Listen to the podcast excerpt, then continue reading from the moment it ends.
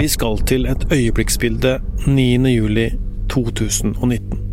I Kripos sine lokaler er Tom Hagen og flere etterforskere på plass. Denne dagen er det viktig at alt går riktig for seg. For Hagen skal overføre 14.900 Monero til en motpart som sier seg ansvarlig for konas forsvinning gjennom et trusselbrev og flere truende mailer. De har identifisert seg ved å vise til en klokke og en ring som lå igjen på åstedet. Denne sommerdagen i 2019 er det fortsatt bare politiet, eller én eller flere gjerningspersoner, som kjenner nettopp denne detaljen. Dermed er det ingen tvil om den såkalte motparten er reell.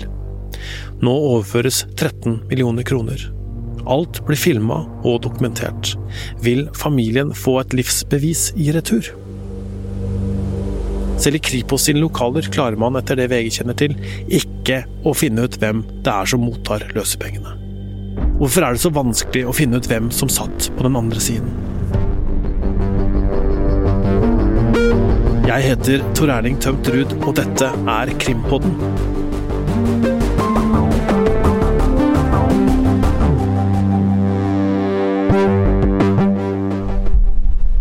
Hallo? Snakker jeg med Torkel? Hei. Du, nå står jeg utenfor uh, Vika Atrium, jeg.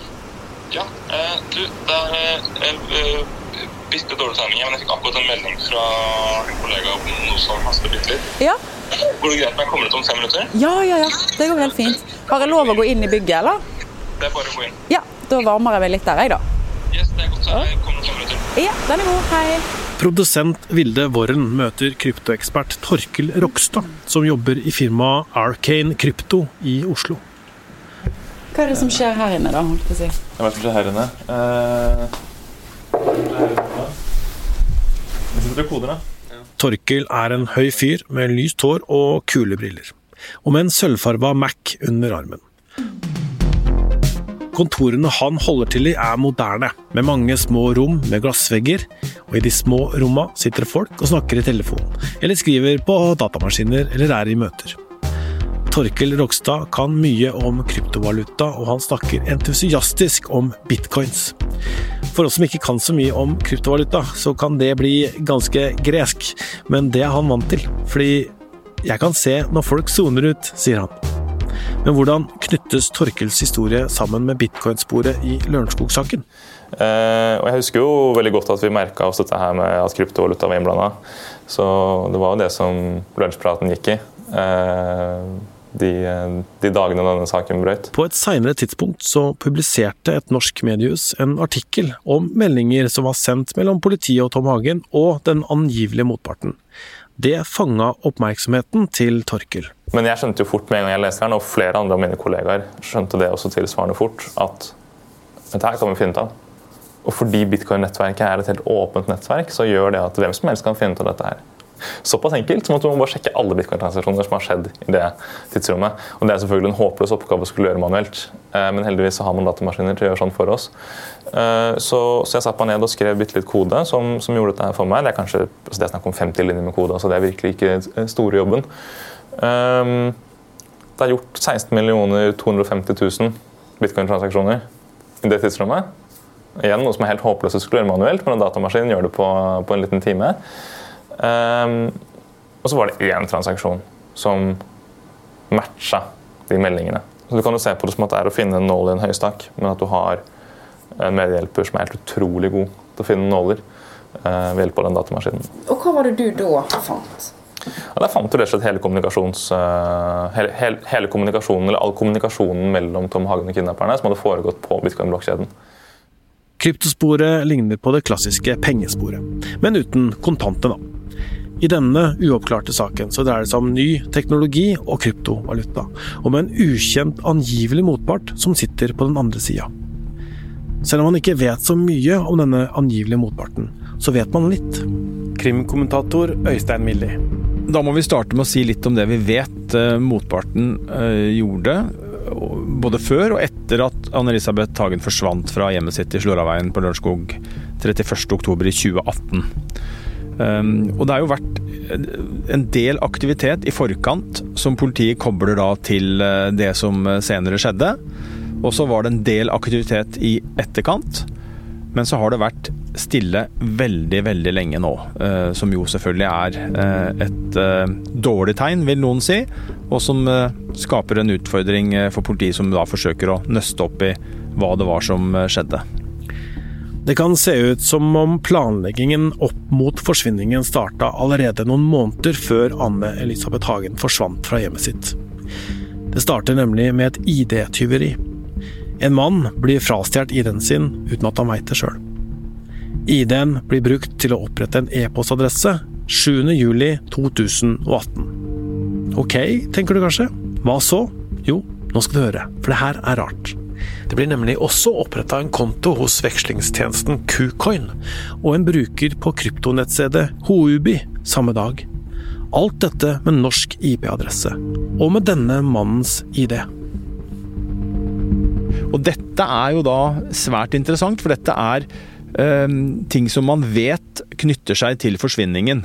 Man kan selvfølgelig ikke si at man vet at de som, eller den som foretok disse handlingene på det tidspunktet, visste at man skulle bruke det til en bortføring eller et drap uh, et halvt år senere, men man vet at den eller de som gjorde og oppretta disse kontoene og disse, tok disse stegene, det er, det er, det er de kontoene og disse altså, og den falske identiteten som er brukt senere. Så, så, det er ikke tvil om at dette er et hett spor etter eh, noen som har en rolle i denne saken. Men vi må stoppe opp litt ved det kinesiske selskapet Huobi.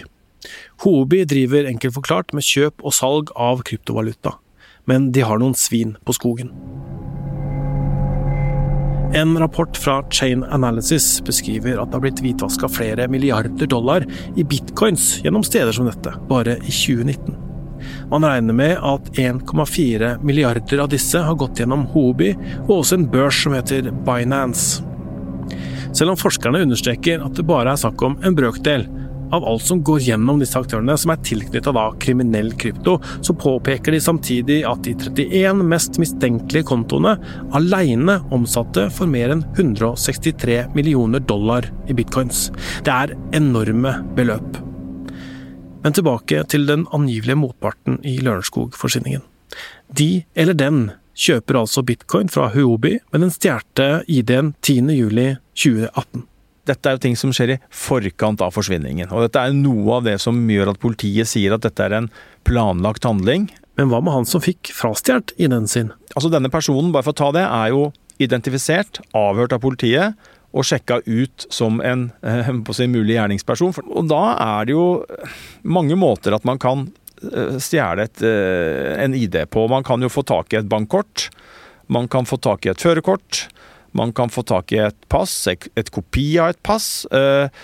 Og det er jo sånn at vi av og til mister vi noen bankkort. Av og til så blir vi frastjålet noen bankkort hvis du reiser, så leverer du passet ditt mange steder. Det må jo ikke ha skjedd i Norge, dette ID-tyveriet. Eh, vi vet jo at det fins eh, krefter på, på, på internett som, som, selger og på en måte formidler eh, falske ID-er til den som ønsker å, å benytte det. Um, og så har man jo da Uh, forsøkt å måte, kartlegge så godt det går uh, hva, hva, hvor disse sporene fører, hva de forteller. Uh, og Det er også da verdt å nevne at det, det ble oppretta et mobilabonnement i, i, denne personens navn også, i samme tidsrom. Men vi har ingen kunnskap om dette er en mobil som ble brukt til noe som handler om Hagen-saken, Anne-Elisabeth Hagens forsvinning, eller om det er en mobiltelefon som er brukt til noe helt annet. Så skjer det utenkelige. 31.10.2018. Anne Elisabeth Hagen forsvinner fra hjemmet sitt i Sloraveien. Huset ligger i et rolig boligstrøk i Lørenskog, ved et lite vann. Et trusselbrev med instruksjoner og bitcoin-koder som skal brukes til å kommunisere med de antatte kidnapperne, ligger igjen. Tom Hagen varsler politiet. Krav om løsepenger utbetalt i kryptovalutaen Monero står sentralt. En massiv etterforskning settes i gang i det skjulte. Ingen må få vite noe, ikke engang naboene. Man frykter kidnapperne vil gjøre alvor av truslene og ta livet av Anne-Elisabeth hvis det lekker ut. Men etter at hun forsvant, så blir det imidlertid ikke stille. Det opprettes en form for kontakt med den angivelige motparten. Den eller de har jo lagt igjen disse bitcoin-kodene. Oppskriften er Hvis Hagen overfører et spesifikt bitcoin-beløp, så har det en unik betydning, som bare de som har lest brevet, kan forstå. 2. november, da er vi to døgn ca. etter at eh, Anne-Elisabeth Hagen forsvant, så starter da den første kontakten mellom politiet og Tom Hagen og det man tror er kidnappere. Hagen er jo da, siden eh, alarmen gikk 31.10., så eh, møtte jo Hagen, som mange vil huske, politiet på en Shell-stasjon like ved huset sitt. Han og familien blir brakt til et hotell i Lillestrøm. Um, politiet oppretter, vil jeg tro, spaning rundt Sloraveien 4, samtidig som man da begynner å tenke at vi må komme i kontakt med motparten. Vi har en bortføring. Uh, det er et løsepengekrav, vi må begynne å kommunisere. Og Hagen forteller jo ganske tidlig at han har litt kjennskap til kryptovaluta. fordi at han har jo da hatt besøk av denne mannen som er medsikta, har han fortalt, ehm, som har vært innom han ja, i løpet av 2018. Hatt en del møter. Og Hagen har vært interessert i dette med kryptovaluta eh, i en eh, forretningsmessig kontekst. Hagen får altså hjelp av politiet til å opprette kontakt med motparten. De neste dagene er det mer kommunikasjon mellom Tom Hagen og politiet, og en motpart. For 10. og 13. november sendes det beskjeder. Det var et dramatisk eh, situasjon, og det ble ikke mindre dramatisk den 10. november, når det tikka inn en eh, sum som betød dårlig tid, fort eller hun vil dø, fra motparten. 13. november så sender man da en melding tilbake igjen fra, fra Hagen, men som jeg antar at politiet var da tett, tett på. Eh, jeg har problem, trenger mer tid. Og Så kommer motparten tilbake igjen med en ny melding. Dårlig tid, fort eller hun vil dø. Og den kommer flere ganger etter hverandre. Å kommunisere via bitcoin er ikke verdens enkleste ting å gjøre. Tilbake til denne kommunikasjonen mellom politiet og Tom Hagen og den angivelige motparten. VGs journalister Gordon Andersen og Ådne Husby Sandnes fant denne kommunikasjonen, og det gjorde også Torkil. Og nå må du spisse podkastøra dine for å henge med.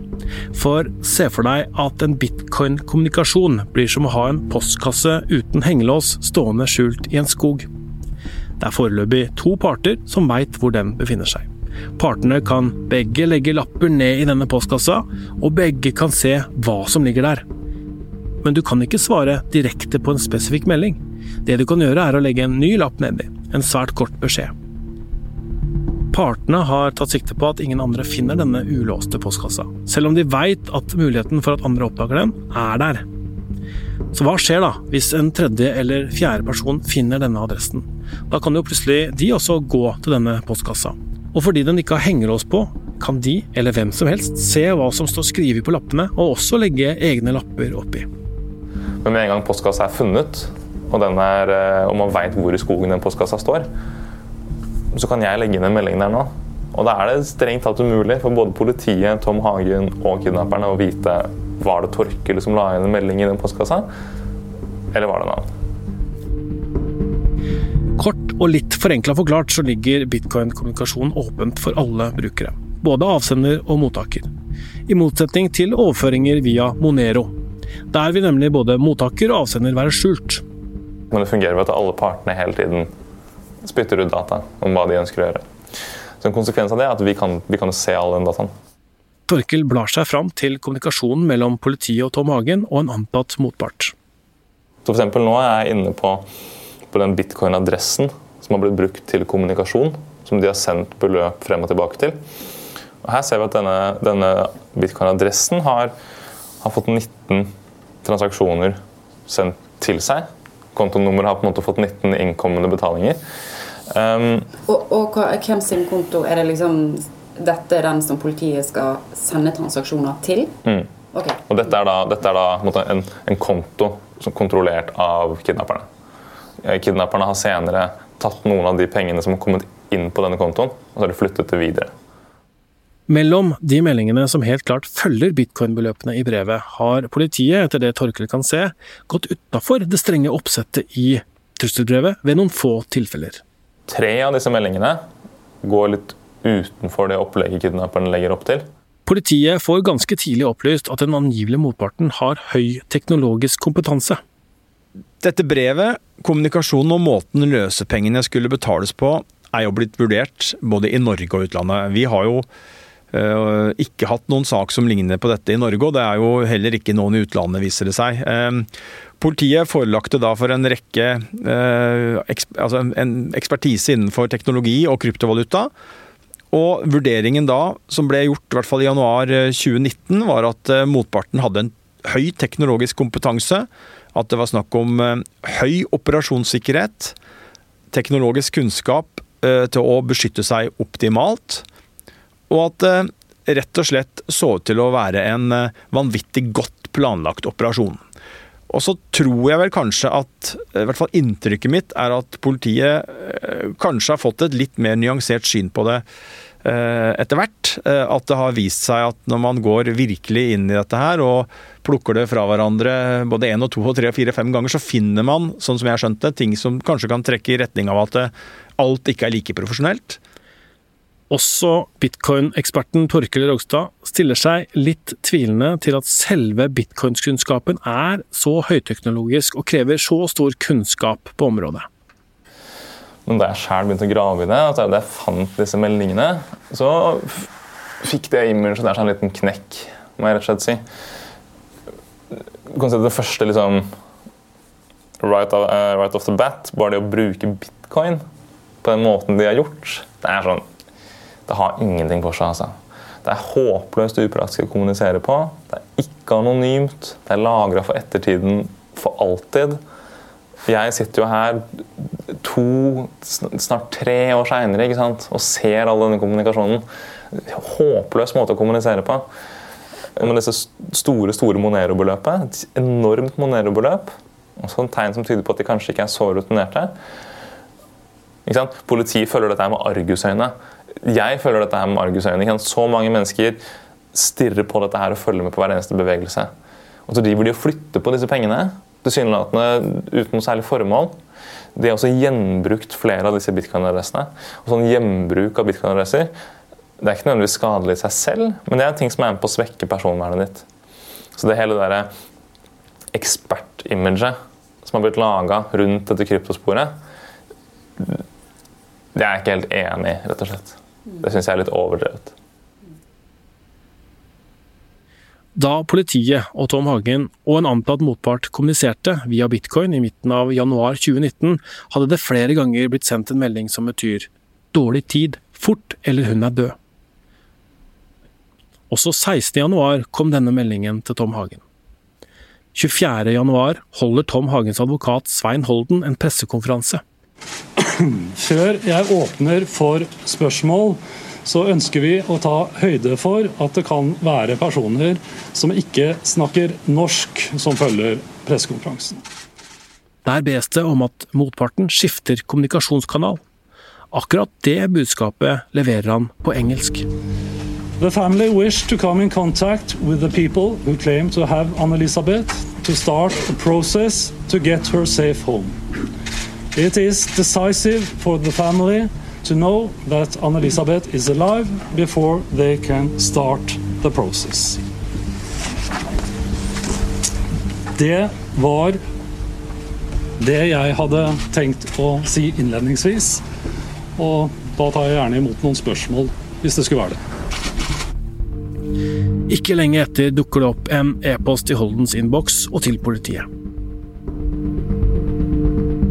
Budskapet i denne mailen er jo øh, aggressivt øh, og truende. Det brukes ord som øh, 'du har forsøkt å fucke oss', og det er ganske sier rett ut at hvis ikke det skjer noe snart nå, så kan det få fatale konsekvenser for Anne-Elisabeth Hagen. Men også her har man gjort sitt for å skjule identiteten. Mailen er sendt fra en kryptert e-postadresse. Bare for å kjapt forklare hva kryptering er, så er det en veldig viktig del av sikkerheten, både på nett, PC og på mobilen din. Det kan hindre at uvedkommende får tilgang til det du driver med. En enkel sammenligning er at man også under andre verdenskrig krypterte informasjonen, slik at ikke motparten skulle få tak i opplysninger man sendte, og som kunne havne hos fienden. Så det er nærmest umulig å finne ut hvem avsender er. Ja, også her har politiet en vanskelig oppgave foran seg. Hvem står bak mailene? Er det den samme, eller de samme, som står bak brevet og bitcoin-kommunikasjon? Vi har jo tidligere snakka med eh, språkeksperter, eh, og noen husker jo da kanskje at brevet inneholdt sånn den språkeksperten vi snakka med da, Marit Julien, en, en, slags blanding av uh, Hun så en slags blanding av språk som hun mente trakk i retning at flere personer kunne være involvert i skriving av brevet. Men det vi forela henne fra, fra, fra mailene, gjorde at hun tenkte at det kunne være én person. Uh, ja, én person som var med og skrev brevet, men at det var en pe person alene. At det mangla ting i mailene språklig sett som var i brevet. Det var likhetstrekk, men det var også ting som mangla. 7.2 kjøper Tom Hagen kryptovalutaen Monero for nærmere 30 millioner kroner. Grunnen til det er at det står i mailen at hvis han betaler 25% av det opprinnelige Monero-kravet, så åpnes det opp for at han kan motta et livsbevis. Ikke mange dager senere 11.2 så holder jo Svein Holden en pressekonferanse hvor han ber motparten om å melde seg og komme i dialog, så man kan løse denne saken. Han er da i en annen rettssak i, i Mo i Rana, men følger veldig nøye med, med på mobiltelefonen sin. Ingen vet hvorfor han gjør det, men det viser seg i ettertid at da har de denne mailen som kom 27.1, blitt satt en frist. Eh, klokka 23 eh, så er det en betalingsfrist. Eh, og det gjør jo at man da eh, at det er en ganske tilspissa situasjon i disse timene og denne dagen. Men det blir stille fra motparten. Skal familien betale, selv uten sikre livsbevis fra Anne Elisabeth? Det blir diskutert, og VG har tidligere fått opplyst at familien vurderte det. Så hva skal man gjøre da, når motparten tilsynelatende ikke lar høre fra seg? Det blir diskutert en ny taktikk fra politiets side, som blir lagt fram for Tom Hagen. Den innebærer bl.a. at Hagen skal sende en e-post til den antatte motparten, holde pressekonferanse og deretter sende pengene. Men denne planen blir skrinlagt. I mai så tar han i stedet, eh, sammen med sine støttespillere, regien selv. Og det er, sies jo da at da skal Rett fram-Tom i aksjon. Eh, og da må vi jo tenke i retning av Tom Hagens eh, DNA som forretningsmann, at det er det som skal frem. Og Det er en direkte forhandlingsstil. Det er frister, det er krav. Med en rett fram-stil sendes det i mai 2019 fra Tom Hagen beskjed til den antatte motparten, med kun tekst i emnefeltet. Hagen skriver bl.a. at han har opparbeidet seg en større sum i Monero. Hvor enkelt er det å få tak i Monero, egentlig? Tom Hagen fikk jo et krav mot seg på 9 millioner euro, som skulle utbetales i Monero. Og så har jeg regna litt her. På det tidspunktet trusselbrevet ble fremsatt, så utgjorde dette her en halv prosent av all Monero som fantes. Og så De påfølgende månedene så krasja Monero-kursen. Så to-tre måneder senere så utgjorde dette her eh, over 1% av all Monero som fantes. Og det er jo ikke 1% i seg selv et stort tall, men du kan jo tenke deg at hvis du skal få tak i 1% av alle kroner, så er det en ganske vanskelig oppgave. Om du i det hele tatt klarer det uten å påvirke prisen på norske kroner, er et godt spørsmål. Så hvis du skal betale et stort beløp, så lønner det seg å ha et stort marked. Bitcoin-markedet er veldig mye større enn Monero-markedet. Ja, Reagerer du på at eh, de antatte kidnapperne ber om at han betaler i Monero? Ja, jeg vil rett og slett påstå at det, det er kanskje ikke en umulig oppgave, men det er i hvert fall en veldig vanskelig oppgave. Responsen på mailene Tom Hagen sender i mai, lar vente på seg. Det er ikke før i begynnelsen av juli 2019 at den angivelige motparten melder seg på nytt. Det står skrevet i e-posten, som er like gebrokken skrevet som tidligere, at Anne Elisabeth trenger helsehjelp, og det står 'Du tar langt tid'. Null garanti for hvor lenge hun lever. Den angivelige motparten foreslår at Hagen skal betale en ny og lavere sum for et livsbevis. 1,35 millioner euro i Monero. Det er rundt 13 millioner kroner. Det skjer noe i denne perioden, for politiet har offentlig sagt at de nå etterforsker en drapssak. I det skjulte, uten at Hagen veit det sjøl, så har man starta en drapsetterforskning mot ham. 8.07.2019 får Hagens advokat Svein Holden en ny mail fra den rare mailadressen. Denne er også truende i stilen. Og det er nå vi kommer tilbake til det denne episoden starta med. Tom Hagen i Kripos sine lokaler, klar til å betale løsepenger i Monero 9.07.2019. 9.07 så er man da på plass på Kripos. Eh, Tom Hagen skal betale, politiet vil være ringside. Man filmer og dokumenterer hele denne prosessen. Og man prøver selvfølgelig å håpe jo at det som skjer skal gi noen eh, nye avgjørende spor, men vet samtidig at sannsynligheten for det er ganske liten. Pengene forsvinner av gårde, til den angivelige motparten. Og man kan jo bare tenke seg hvor frustrerende det er at man sitter og ser, eh, bokstavelig talt, at eh, en stor sum Monero forsvinner til noen, eh, men man aner ikke hvem som er mottaker på den andre sida. Hvem i alle dager satt på den andre siden? På høsten, nærmere bestemt oktober, sendes det en melding som angivelig skal lokke motparten til å svare. Det skjer etter initiativ fra politiets krise- og gisselforhandlere. Men ikke noe svar. VG får opplyst at Hagen ikke var helt fornøyd med innholdet i meldingen. Han sender ny e-post i februar 2020. Tilbake får han en feilmelding. Kan det virke som om e-posten er sletta?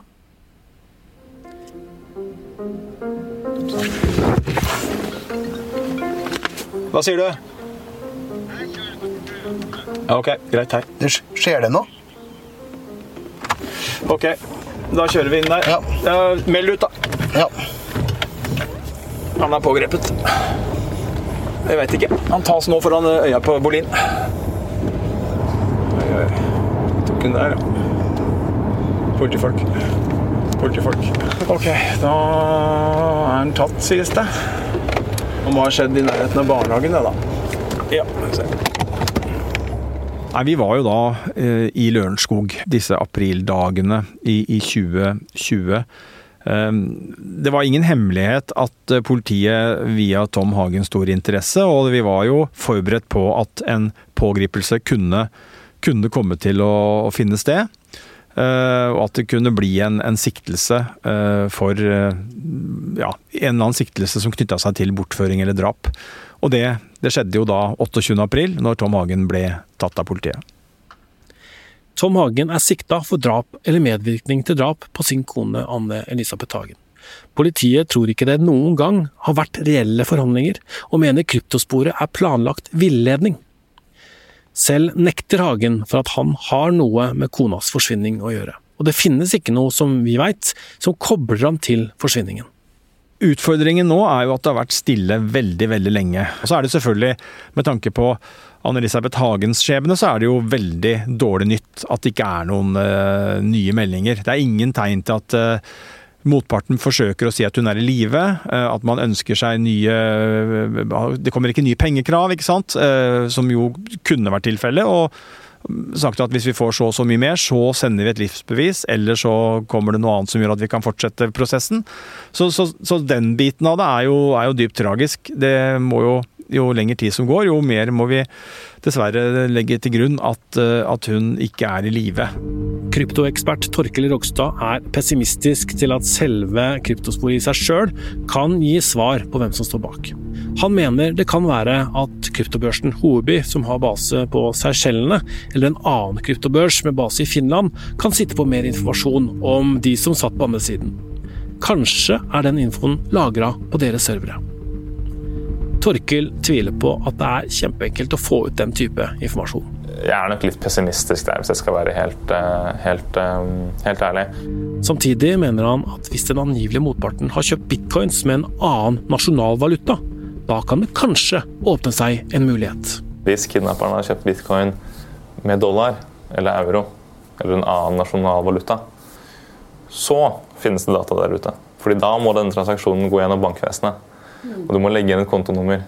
Og det må, og du må sendes over regulerte eh, regulerte måter å sende penger på. Så det er på altså en, en bank? Ja. ja. Hvis, jeg vil, hvis jeg vil flytte dollar fra DNB til Huobi sin bank, så, så, må det legge igjen noen spor hos en eller annen bank. Mm. Så hvis disse kidnapperne har brukt en nasjonal valuta på Huobi til å kjøpe bitcoin, så finnes det identifiserende opplysninger om det. Men han legger til at dette er ting han ikke kan være sikker på. Jeg, jeg skal nok overlate til politiet hvordan de løser sine saker. Der, der tror jeg politiet er flinkere enn meg. Men, øh, men akkurat kryptosporet kan se ut til å være litt dødt. Du tror det? Jeg tror det. Det har nå gått lang tid siden forsvinningen. Politiet har nylig sagt til VG at de tror på en løsning på denne saken. Hvor tror krimkommentator Øystein Millie at svaret ligger? Klart at Politiet, vil jeg tro, bruker både nasjonalt og internasjonalt det beste miljøet som fins, for å forsøke å få maksimalt ut av disse sporene. Og det er klart at uh, om man lykkes med det, det, det vet man jo ikke før man har prøvd, men jeg er helt sikker på at man gjør alt man kan. Og så er det jo ikke bare sånn at man er avhengig av å knekke disse kodene. Man kan jo også ha en etterforskning som knytter seg uh, hva skal jeg si, bredere rundt dette med, med aktuelle personer eh, og eh, miljøer. Det er en del penger som nå har bytta eh, eier, kanskje. ikke sant? Disse eh, løsepengene. Og man, man, kan jo også tenke seg at det er mulig å avdekke det. Ikke gjennom å følge disse transaksjonene, men man klarer på andre måter å se at noen har fått mye penger. Det er jo en sånn kjent etterforskningsstrategi politiet bruker. Altså, vi hører jo ofte 'follow the money', og det er mange måter å gjøre det på. En ting er jo helt sånn konkret, men en annen ting er også å prøve å finne ut av om det er noen som har eh, begynt å bruke penger på en måte som gjør at man eh, vil ettergå hvor de kommer fra, og at man den veien kan kanskje komme inn på et, en annen innfallsvinkel. Forholdet mellom Tom Hagen og politiet har kjølna betraktelig, og Hagen har ikke stilt i nye avhør siden han blei pågrepet. Det kan se stille ut fra utsiden, men betyr det nødvendigvis at det er stille og rolig på innsiden av etterforskninga? Krimpodden følger Lørenskog-saken videre. Vi høres neste torsdag. Har du spørsmål, send dem gjerne til krimpodden at vg.no. Vi setter stor pris på alt av tilbakemeldinger. Produsent for Krimpodden er Vilde Våren. Krimkommentator Øystein Milli var med. Gordon Andersen, Ådne Husby Sandnes, Hanne Haug Røseth, Einar Otto Stangvik og Morten Hopperstad i VGs krimgruppe har bidratt til journalistikken i denne episoden. Jeg heter Tor Erling Tømtrud. Musikken er laga av Ronny Furuvik, og teknisk ansvarlig er Magne Antonsen.